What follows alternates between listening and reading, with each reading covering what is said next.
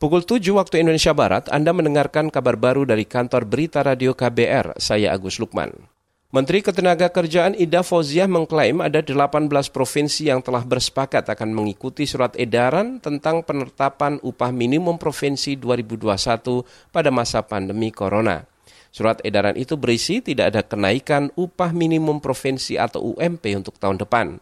Provinsi yang bakal mengikuti surat edaran itu antara lain Banten, Bali, Aceh, Lampung, Bengkulu, Kepulauan Riau, Bangka Belitung, Nusa Tenggara Barat dan Nusa Tenggara Timur, Sulawesi Tengah, Sulawesi Tenggara, Sulawesi Barat dan Maluku Utara, kemudian Kalimantan Barat, Kalimantan Timur, Kalimantan Tengah serta Papua. Dalam keterangan tertulisnya, Menteri Ida Fauziah mengklaim kesepakatan tidak menaikkan upah itu telah melalui diskusi mendalam. Di tengah kondisi pandemi, mereka sepakat tetap menggunakan upah minimum provinsi tahun 2020. Ida berharap gubernur menjadikan surat edaran itu sebagai referensi dalam menetapkan upah minimum provinsi masing-masing. Saudara penerbitan surat edaran Menteri Ketenagakerjaan terkait tidak naiknya upah minimum provinsi tahun 2021 mendapat tentangan keras dari para buruh. Presiden Konfederasi Serikat Buruh Seluruh Indonesia KSBSI Eli Rosita Silaban mengatakan keputusan pemerintah itu tidak berpihak pada kesejahteraan pekerja. Jadi ini kan sebagai anjuran, tidak ada dasar hukumnya, bisa diikuti bisa tidak. Yang jadi masalah memang nanti para gubernur ini akan membuat surat edaran ini menjadi acuan bahwa sudah ada surat edaran menaker tidak ada upah uh, naik gitu.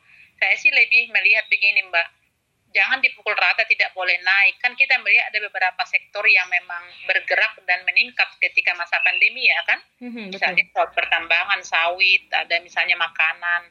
Apakah mereka itu tidak bisa naik itu Presiden KSBSI Eli Rosita menyayangkan surat edaran itu muncul di tengah memanasnya penolakan Undang-Undang Cipta Kerja serta saat ekonomi buruh terganggu akibat pandemi COVID-19.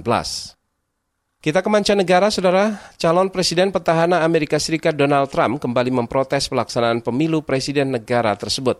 Mengutip Reuters, Trump kali ini mempermasalahkan potensi penghitungan hasil pemilu yang molor karena banyaknya surat suara yang masuk. Hasil Pilpres Amerika diprediksi akan keluar pada 3 November mendatang.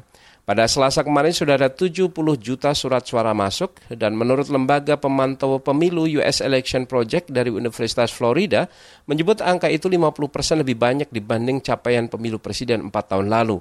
US Election Project memperkirakan proses rekapitulasi akan memakan waktu lebih dari sepekan. Sementara hasil survei terakhir dari Reuters, Donald Trump masih tertinggal dari lawannya Joe Biden dalam hal popularitas dan elektabilitas. Demikian kabar baru dari KBR, saya Agus Lukman.